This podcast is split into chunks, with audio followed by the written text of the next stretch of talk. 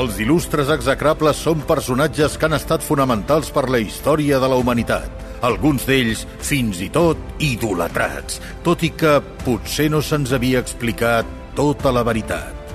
Fins ara.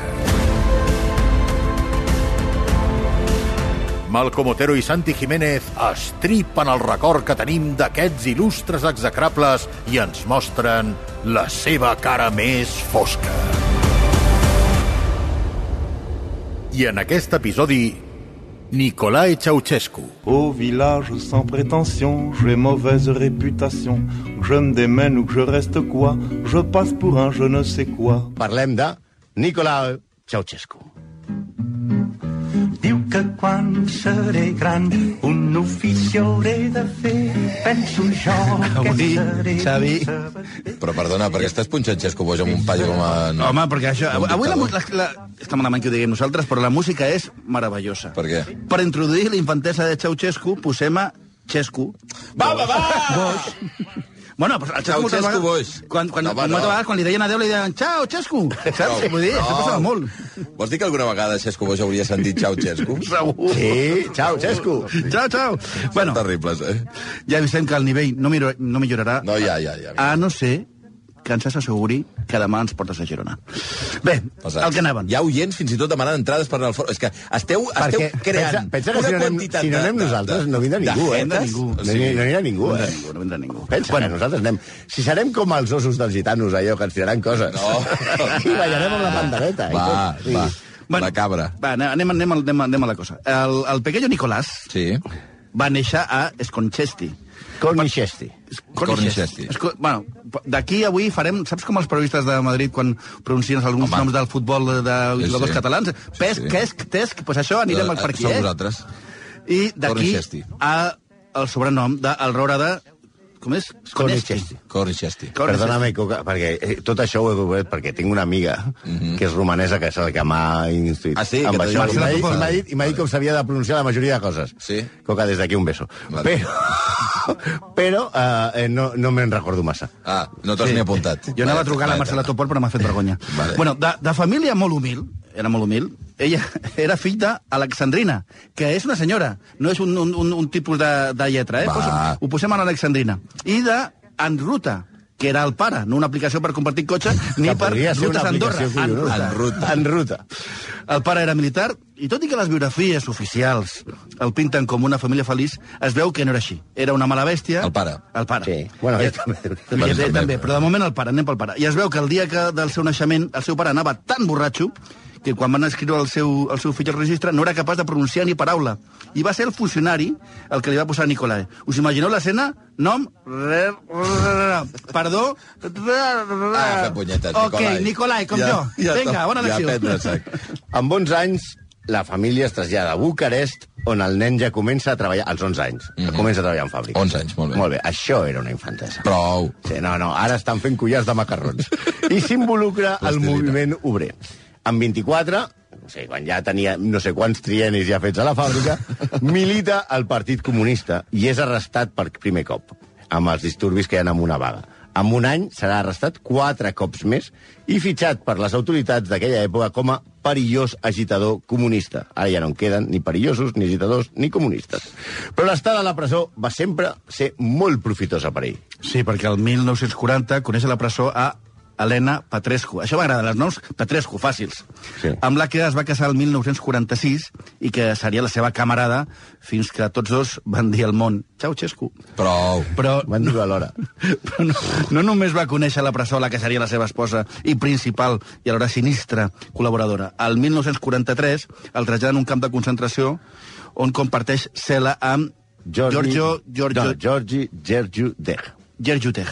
Esto és més o menys com me'n recordo em van dir que sabia pronunciar. Bueno, Giorgio Gergiuteg, que era el secretari general del Partit Comunista Romanès i futur primer ministre, que converteix a Ceausescu amb el seu protegit. Quan els comunistes van arribar al poder, i com era? Gergiu Deg. Gergiuteg va ser primer ministre, primer i president, després el pequeño Nicolás va pujar com l'escuma. Va passar de la fàbrica a la presó, de la presó al camp de concentració, i d'aquest a ministre d'Agricultura. Una evolució fàcil. Home, si li deien el reure, alguna cosa hauria de saber d'arbres, no? Hòstia. Sí, tu com et diuen? El roure? Pues, collons. Agricultura. Ministre d'Agricultura. També també va ser ministre de les Forces Armades. Sí, George Udeh era per Romania com Tito per Iugoslàvia. Un tipus que va plantar cara a la URSS i a Stalin, el senyor aquell del bigoti que tenia tan mala llet. Va. El que va foragitar de Romania dient-li que el tracte dels soviètics als civils romanesos ens farà estranyar els nazis. Hosti. Sí, Bèstia, sí, eh? una cosa que es podria aplicar també a Ucraïna ara. Mm. Però un càncer de fetge va acabar amb George Udeh al 1965. Abans de morir, va deixar tot preparat perquè fos el seu protegit, Nicolae Ceausescu, el que el succeís. Començava la deriva del personatge, que seria, durant 24 anys, el gran dictador conducàtor romanès.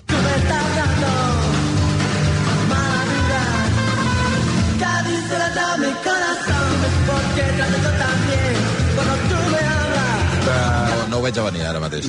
De Ceausescu Bosch passem a Nicolau Chao. Manu Ceausescu, Ceausescu. Perquè... Bueno, també podíem saber la Chao. No, és igual. És igual. Perquè la veritat... més, tenim més, eh? No, no, no cal. És que jo... La, la veritat és que tots els que els seus inicis com a president de Romania van ser bastant, hem de dir la veritat, eh, bastant prometedors, la cosa va acabar molt malament. Va donar molta mala vida a la gent. Comencem per les seves coses bones. D'entrada va continuar a la política del seu predecessor de mantenir a ratlla a Stalin i va condemnar la invasió de Txecoslovàquia. Va fundar moltes universitats arreu del país amb un gran nivell econòmic. De fet, l'educació... I acadèmic, inclús. I acadèmic. era, l'educació era, era universal i gratuïta. La sanitat romanesa, també gratuïta, va ser reconeguda per la OMS com una de les més eficients. Romania va ser va començar a créixer i van pujar els salaris i tot, tot, tot, tot semblava funcionar perfectament. Era el comunista guai, el comunisme bo. El Sí, comunista bo. semblava que era la part de que es podia ser d'esquerres, comunista i tenir progrés. Però tot això s'ho sentava sota un preu.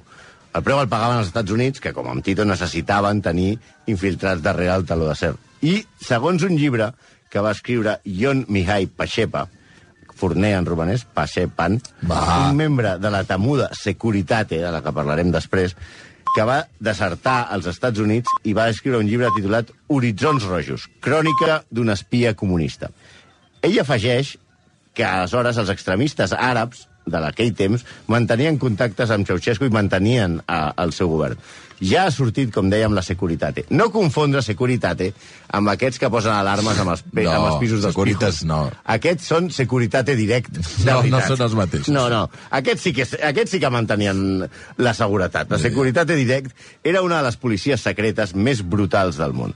11.000 agents registrats i mig milió d'informadors per una població de 22 milions de persones. El És a dir, és brutal, eh? cada 44 romanesos eren vigilats per un policia secret. Increïble la xifra, Sí. eh? Amb els anys s'ha sabut que, per ser exactes, dos milions de romanesos eren espiats regularment. Sí, emparat amb aquesta terrible policia secreta, Ceausescu va començar el fer el que li rotava, per estrafolari que fos. Ningú podia portar-li la contrària. Controlava mitjans de comunicació i no hi havia oposició. Així, per exemple, després del terratrèmol del l'any 77, va decidir remodelar completament Bucarest. Una cinquena part de les construccions de la capital van ser enderrocades i substituïdes per al- altres edificacions. Això sí que són superilles, Sí, home, sí, d'aquí. També van No enderrocar... caigui un terratrèmol aquí, que ja veurem com va. Ja, ja, ja veurem com acaba. També van derrocar pobles sencers per traslladar els seus habitants de les ciutats a les ciutats per viure en blocs de pisos i formar el seu, que formessin part del seu programa d'urbanització i industrialització. Òbviament, tota aquesta immensa despesa pública no podia pagar-se sola i feia falta mà d'obra, gent. Per això va promulgar l'infame decret 770, segons el qual s'obligava a les dones romaneses a tenir un mínim de quatre fills. Què dius? Òbviament, a més a més, es van prohibir els anticonceptius i es va penalitzar l'avortament. I es feien tests d'embrassos a les fàbriques periòdicament per veure si la, la gent es quedava embarassada. Com, com, com els testos d'antígens ara. Vinga, sí, vinga passant. exacte. Mentre aquest decret va estar vigent, van néixer a Romania dos milions de nens que, dissortadament, naixien en famílies molts cops que no Clar. els podien mantenir Clar. i els orfenats estaven plens a vessar. Quan el 1989 va caure el règim de Ceausescu, es van descobrir escenes terribles als orfenats. De fet, Romania tenia la taxa en aquella època de mortandat infantil més alta d'Europa. Sí, amb els seus eh, projectes imperials, l'economia romanesa no donava l'abast. Ni que es posin a, a parir les dones eh, trigèmin, trigèmins, trigèmins de cop, eh, Ceausescu potser no va valorar que per poder treballar els nens han de créixer. Sí, clar, no clar fa- tu dius, ah, sí, vinga, home, nens, mà d'obra, mà triga d'obra. una però- mica de temps. O com a mínim uns anys, com Sí, ell. sí, exacte. Sí, clar, aleshores diu, "Adéu, la, totes les, les mares a parir, però clar, si no... Per tant, a l'inici dels 80, tota la prosperitat de finals dels 70 i tots els 70 ja no existia. El 82 va decidir pagar el deute extern costat el que costés, i va ser a costa dels de sempre del poble, de nosaltres, com el Santi i jo. Ja, Mentre aquí. Naranjito era marca Espanya, a Califòrnia Metallica feia el seu primer concert, Helmut Kohl era triat president de la República Federal Alemanya, naixia Per Aragonès i moria Brezhnev, No casualitats, té res a veure, no volem dir res. Amb això. No, a Romania tornava al racionament. Sí, 300 com grams, si fos la postguerra. alerta, eh? 300 grams de pa al dia. 5 sous per persona cinc ous. al mes. Hosti. Al mes. Límit de combustible, Bueno, això també passarà ara aquí, eh? Sí, carrers sense il·luminar, retallats els salaris, i això li agradarà molt a Josep Borrell, límit de calefacció a 14 graus per tothom. Hosti. Menys per al conducàtor, que la posava a 24. Ah, ell no. Sí, vale, vale, tenia molt Això és el que deien, vamos, però és, és probable que passés així. El poble comença a tenir, com dèiem, mala vida, però ell i la seva dona naveguen en luxe. La imatge importa. Construeix el Palau del Poble, que no sé si heu estat a Bucarest, que segueix sent, després del Pentàgon, el segon edifici més gran del món. Tot això mentre la gent eh, passa la gana, eh? I clar, ell, ell, re- re- Imagina't la calefacció del Palau. També va fer la... la sí, és molt difícil, i, i els racons, que és molt difícil de fregar, tot Sí, allò. sí. Eh, a més a més, el, construeix la- l'avinguda que hi ha on hi ha el Palau del Poble, que havia de ser més llarga que els Camps Elisis de París. El matrimoni, per, per cert, es trasllada al Palau de Primavera, una vila de luxe al mig de Bucarest, de 14.000 metres quadrats, amb cinema, dues piscines, saló de bellesa, jardí tropical... Jardí tropical, Interior, Orfania, eh? parc y búnker. Ideal parejas. Me lo quitan de las manos. Hay otra pareja muy interesada. Si quieren, llamen. Davant de tot això, Occident no feia res. I per què no feia res? És més, li reien les gràcies. Nixon va visitar Romania. Era el primer president dels Estats Units que visitava un país del suposat taló de. La reina Isabel d'Anglaterra el rebia a Buckingham Palace. Però la seva desgràcia, que era el, el comunista de moda amb els occidentals, va ser que el 1985 ah, va aparèixer un suposat comunista amb més glamour que ell. Es deia Mikhail Gorbachev. I a partir d'aquell moment, els occidentals van deixar abandonat a Ceausescu amb una benzinera. Va durar des d'aleshores 4 anys. Estás que arrebatas, preciosa. Estás de lo más retrechera. Estás tan bonita y airosa que luces mimosa, tu gracia chispera. Taran, tan, tan, tan. I això? Això, mira, quin lèxic que tenien els masclistes de Sí, noi, florístic el tenien. Sí, sí. Retratxera, que vol dir atractiva, eh, gràcies xispera, que és com dir xulapa, salpostinera de postina, això era molt, molt, molt, molt maco. Ara ja no es diuen aquestes coses, i millor, perquè tampoc sabien què volien dir. No, no. Segons la RAE, per exemple, això de, eh, que deia al final, agarena, és com dir, Quina és cara garena? que, és, que, que vol dir com morita, saps? Perquè que es deia abans, Ah, morita, de- morita de la moreria, que vol Ui. dir eh, esclava, eh, és una esclava d'Abraham, però vol dir musulmà. Bueno, Aquí entrem amb... De pell fosca. Exacte.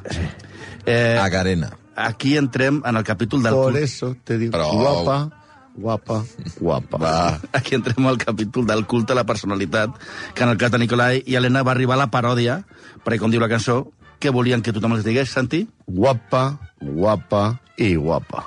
Exemples. La televisió romanesa tenien ordres estrictes de mirar d'evitar que la tele, que la tele Ceausescu aparentés al, a la tele al 1,65 que mesurava. L'havien de fer més alt. Sí, sí, no volien O, que o que no li posessin gent alta al costat. Ah. Clar, només clar. hobbits, només hobbits. I que mai eh, enfoquessin de perfil a l'Helena, que tenia el nas com el d'una aixeta de, de central tèrmica, No, saps? va, Sí, tenia un grifo. Prou. Les fotos del matrimoni ho, ho presidien tot, des de les escoles, els hospitals, les botigues, i tu anessis on anessis hi havia les fotos de Ceausescu i també d'Helena Petrescu. També sempre era la mateixa foto, de quan tenien 40 anys. Es va quedar aturats en el Sí, temps. clar. eh? Per buscar el perfil vol de Ceausescu, les seves fotos eren un perfil, que era la, la, la part bona, i només se li veia una orella.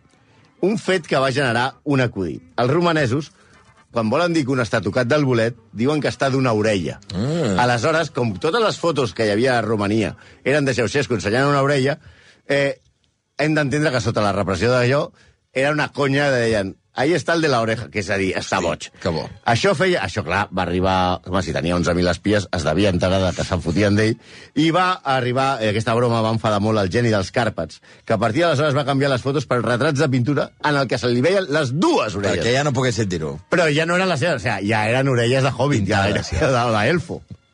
Sí, T'he de dir que si mireu a Wikipedia les fotos tant d'ell com d'ella, Sí. semblen com un senyor de classe mitjana d'americà, eh, ella amb, amb, amb el cavall així una mica cardadet, i ell sembla un senyor que diu, ah, mira, que, li compraré una, una rentadora, Sí, sí, eh? sí, sí. Li compraré una rentadora. Bueno, però aquest culte exagerat a la seva personalitat eh, va adoptar arran d'un viatge que va fer a l'any 71 a la Xina i a Corea del Nord on va quedar meravellat de com Mao i, i Kim Il-sung eren més famosos que Rafa Nadal i Martí Esprats junts va ser tan... va canviar tot i va ser tan exagerada la seva autopropaganda que es, quan es va fer una cerimònia eh, en la que per demostrar el seu lideratge li atorgaven un cepre, ell mateix es va fer una cerimònia ell mateix, Salvador Dalí li va enviar un telegrama per felicitar-lo.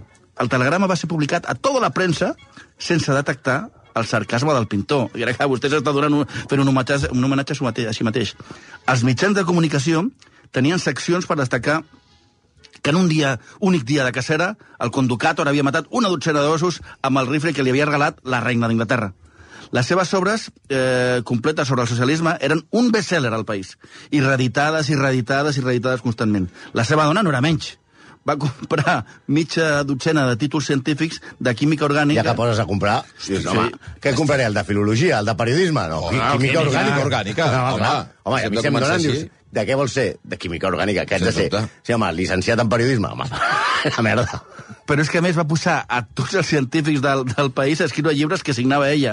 Evidentment. Tothom, clar, segur, segur que heu llegit el llibre Research Work on Synthesis Oh, and Characterization of Macromolecular Compounds. A, a tothom, es- eh, totes les biblioteques de les Clar, cases. això ho publica Editura Acadèmia i República Socialista de Romània l'any 74, doncs aquest el va signar ella. Ella amb prou feines et podia dar la fórmula química de l'aigua, cosa que nosaltres tampoc sabem, Home. però sí que C21, H, 30 o 5 la sabem. Què és? La base de les cerveses. Hombre, Anem ja, que hem de fer la maleta, que anem cap a Girona. no.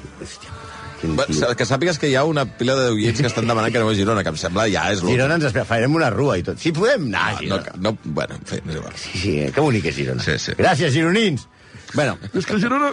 eh, no podem deixar passar per alt la relació de Ceausescu amb la política espanyola, que això donaria per hores. Però, bueno, anirem amb dos casos només. La més coneguda és la seva relació amb Santiago Carrillo, mm -hmm. que, de fet, quan estava a l'exili estiuejava a Romania, Sí. i que va ser el favorit de Ceausescu fins que el conducàtor va parlar amb el rei, el rei emèrit, ara, va conèixer Felipe González i va deixar Carrillo més tirat que un clínex. Però la gran anècdota és la del Cadillac, que li va regalar Ceausescu a Carrillo. Un cotxe que a Espanya era conegut com el Carrillac. Vale. Carrillo explica en una entrevista al País, al 1977, que diu, obro cita, mis amigos pensaron que debía tener un coche Mis amigos, blindado. ¿eh? Sí. ¿Quiénes son todos Los del partido. Son mis Clar, El tio, amigos. el tio torna a Espanya, comunista, Oye, tal, hi havia no, Força Nueva, a Blas veure que sí, que sí, que y ahora sentit. iban, Santi, Protegit. coche blindado. Sí, sí. Entonces, primero hablaron con Tito y luego con Ceausescu, que me mandó un Cadillac blindado de 1945 que tenía arrinconado en Bucarest. Era un trasto que era como un tank que gastava més combustible que l'estrella de la muerte de Darth Vader sí. i que pesava com 200 tonelades. Carrillo el va fer servir per anar, per moure's per Espanya i fer mítings. Però resulta que amb un viatge a Astúries, baixant al puerto de Pajares, que són curves allò, tu super... Imagineu, i Pajares, al puerto de Pajares al 77, eh? El cotxe es va escalfar perquè els frens no podien aguantar frenar aquella mole de 500.000 quilos que se n'anava cap al prau cada vegada que feien una curva. El cotxe es va incendiar i Carrillo, fins als ous, va deixar el Carrillac amb un prau i va anar caminant al poble i va demanar un taxi. Ha deia el Cadillac este ja. El cotxe es va quedar allà enmig del camp entre les vaques i tots els paisanos van decidir provar que si de veritat era blindat. I van Oh, a tot el poble, oh, amb les escopetes de casa, a disparar-li al cotxe. M'encanta. I van dir, joder, pues sí que està blindat. Hòstia, pues sí que protege. Eh, Pesa, però està blindat. Boníssima. Aquesta pot ser l'anècdota més, més, més divertida, però ha més. Ceausescu va canviar Carrillo per Felipe, no per Felip V, sinó per Felipe González. Sí. No he preparat. No el preparau. I era molt amic de Juan Carlos I, a qui, va, a qui va condecorar personalment amb l'estel de la República Socialista de Romania. És a dir, el que viu ara als Emirats, Sí. té. L'estel de la República Socialista de Sí, Romania. senyor. Sí, senyor. Sí. Juan Carlos, va, de fet, va, va visitar moltes vegades a Romania. Per Hombre, què? Per gusta ossos. mucho Romania. Per matar ossos amb el Per matar conducàtor. ossos. Sí, sí, sí. Sí. Home, sí, la, la, ja no hi ha ossos a Romania. Ja, pues, entre, Ni elefants. Entre Juan Carlos i Conducàtor.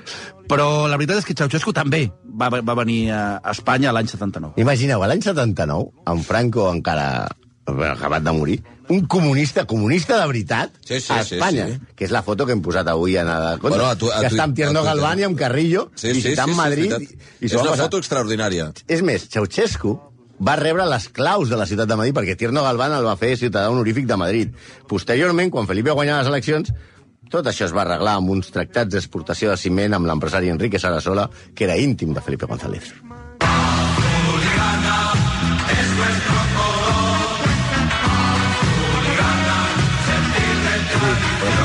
Quin, quin tipus d'azuligrana? És un himne del Barça Us- us- sui generis, sí. això? És, també va a l'Esteagua d'Azuligrana. Ah, vale. Ui. Sí, eh, ho, ho sentim molt, és que ja, hem de parlar Però aquesta de- setmana s'ha de parlar d'aquest Aquesta tema. setmana hem Just de parlar aquesta setmana, després del- d'allò PSG? Hem de parlar de l'Estrella de. Bucarest, de la final de Sevilla... No cal, és que no cal. Ah, aviam, Ceausescu i la seva família... Era ser- l'època. Era, era, sí, Veritat. eren, un- eren uns grans corruptes en el món de l'esport. Mm. Abans de la final de Sevilla parlarem molt breument de com va manipular amb la seva família la Lliga Romanesa fins al punt que l'equip del seu poble, que es diu Santi, Ol Sconeixesti. fundat el 1972, va passar en 8 anys de la cinquena divisió a primera. Bueno, A base perquè té els seus mèrits. A base d'atracaments, a base d'atracaments, és clar. El més famós va ser de tots els Aquesta anècdota és brutal. el 21 de juny de l'any 78. És bestial. Quan per pujar a tercera a segona necessitaven guanyar el gol a Veraix al Flacara Moreni, que ja sembla un galant italiano. Soy Flacara Moreni. Aquest equip jugava... fet un tort argentí. més fet- però sí, també podia ser argentí, sí, sí. Però estem, estem davant d'un equip que vol pujar de categoria, L'equip del que és poble de el del poble de Ceausescu, davant Que del li va fer tal... un estadi de 25.000 persones. La cara... Flacara Moreni, i eh, guanyaven per Veraix. Aquest, aquest equip, el Flacara, jugava una mica abans que el de Ceausescu, i la Securitat va enviar un espia per informar del que feien els rivals. A l'esquia va, tru va, va trucar a, a, al camp de l'equip de Ceausescu i va definir un resultat d'empat amb 1-1. Eh? Dos Sí, uns. Un enigmàtic. O sigui, no, es veu que l'espia de futbol no sabia molt. I el tio va trobar i va dir, aquí van uno con uno. Uno con uno. I el que va agafar el telèfon tampoc s'entrava massa. Perquè va pensar que, que guanyaven per 11 gols. Oh! Encara que no empaten. Aleshores, en aquell moment, van avisar els rivals, a l'àrbitre, a qui feia falta, i l'equip de Ceausescu va guanyar el partit, que va durar unes 3 hores, per 18 a 0. 18 a 0 per compensar, Per compensar el gol a. I estaven 1 a 1, però es pensaven que anaven 11 a 0. No els hi calien els 18 gols, no? No, Realment? però, eh, o sigui, van anar els senyors de la Securitat eh, a- al, al porter i li van dir tu què tal, chaval, ¿quieres seguir caminando? Pues déjate meter 18. Bueno, Sí, sí, lo de Malta és una Però broma. el seu equip, ja ho sento molt, culers, el seu equip favorit era l'Esteagua, que fitxava, òbviament, a qui volia. O sigui, si volia anar... Si Haaland volia... Esteagua. Tot, tot això. Tot. Que dia després, dies després, va rebre l'Esteagua i els hi va dir heu d'entrenar més fort per tal que la propera vegada no arribeu als penals. Sí, però, però va ser ell, de fet, qui, qui va arribar a O sigui, la calle de, de. Ducadam ningú se'n recorda allà, No, no, d'alguna manera. No, vull dir, imagina't, van perdre, van perdre una final i amb ells ni els importava. No, no, no, És ja molt injust. Però bueno, com, que- com deia, que ell també va acabar a- als penals i com veurem... el van acribillar als va penals. acabar? A- a Ceausescu, i el van acribillar. Va, home, per Literalment. favor, Per, favor, va. Resum de les últimes hores, és a dir, la pròrroga abans d'arribar als penals. La gent a Romania, a l'any 89, ja estava fins als pebrots, als ardei, en romanès, i el galliner se li revoltava. Especialment a Timisoara, on hi havia molta població hongaresa que eh, seguia a un religiós anomenat Laszlo Toques, que no me toques el sardell, no? Va. Que va muntar una manifestació que va ser dissolta, Bueno, dissolta, per, dissolta. per dir-ho d'una manera suau, a trets per la Securitat i part de les Forces Armades. Si us penseu que això és fe, que això de que ens passa ara són fake news, és una cosa nova, mireu. La matança de Timiso ara va ser un escàndol mundial i es va assegurar que va morir 60.000 persones. 60.000, eh? De fet, es van mostrar per televisió una filera interminable de cadàvers terriblement deformats. Semblaven haver estat torturats abans de morir. Era mentida. Oh. És cert que a Timisoara va morir molta gent, a prop d'un centenar, no 60.000. Però per exagerar el desastre, els opositors a Ceausescu van anar a un cementiri que hi havia per pobres, proper a on, hi havia, on es va produir la matança, van desenterrar tots els cadàvers de les fosses comunes i els van posar a l'escenari del crim per semblar que els havia matat la Securitat. La ira, evidentment, es va apoderar als romanesos que es van creure que s'havia comès una massacre infecta. Sí, bueno, que vull dir que matar 100 persones no està malament. Sí, No, no, no, són moltes. Però, 60, però, 60.000. però, però també et dic que anar a un cementiri i desenterrar la No, gent no, perquè clar, semblem més, també déu Sí, sí, sí. Però el matrimoni de pares de la pàtria, jo crec que va calibrar malament les seves forces. Per explicar-se, van convocar una manifestació de suport a Bucarest, on Ceausescu va prometre pujar el salari mínim i les pensions. La gent va passar d'ells i es van rebel·lar i les forces de- de- armades es van sumar es van sumar als manifestants. Hosti. Tu imagina't quin, quin moment que veus els, la, Oi, la gent oi. que està... Estàs, veient que l'intent de tranquil·litzar la gent va sortir com el, quan Albert Rivera i els últims moviments, moviments polítics, eh, van veure que el millor era tocar el dos. Però els que s'havien de salvar també els van tra- trair. Van fugir en helicòpter, però el pilot Vasili Malutan es va dir que havien de baixar-se perquè el radar es podia detectar i era més segur per carretera. Es va recollir un cotxe i a la poca estona va dir que el cotxe li estava fent la, la perla i el van deixar abandonats a una carretera on, òbviament, van ser detinguts. A dir, ningú volia tenir res a veure amb els, aquests va, senyors. els van trair els seus. Amb un procés judicial express, un tribunal militar els va condemnar a mort en dues hores. Durant el procés, Ceausescu va insultar els jutges i va tractar d'imposar la seva autoritat, mentre la seva dona li deia «Com et deixes que et parlin així?» Jo imagino a Nicolai... Nico! Nico! Pensant, pensant, Cari, no és el moment de tenir una escena, que Ara això ja, no. ho, ja ho parlarem a casa, ja ho parlarem a casa. Ara no, no em deixis malament davant d'aquesta gent. Els van portar al patíbul mentre ell cridava Visca la República Socialista de Romania, la història em venjarà, i cantava la Internacional. No alhora, una darrere l'altra. Bueno, clar. Van ser afusellats, atenció, per 80 soldats i van rebre 120 impactes de bala. Els butxins, bojos d'ira, van seguir disparant fins i tot quan els dos ja estaven morts a terra. A Ceausescu no li van disparar a la cara perquè es pogués reconèixer que estava mort. Però com tot és susceptible d'empitjorar, les coses no han anat millor a Romania. Tant és així que en una enquesta feta el 2014, el 69% de la població, el 69%, eh, considera que el país està molt millor durant el comunisme. I el 66% de la població actual reconeix que ara votaria a Ceausescu. Al final, resulta que la història l'ha venjat. Apa, execrables, adeu-siau, eh? Adéu. Si vols veure caure més mites, no et perdis la resta de capítols d'il·lustres execrables Gran Reserva a la app de rac i a rac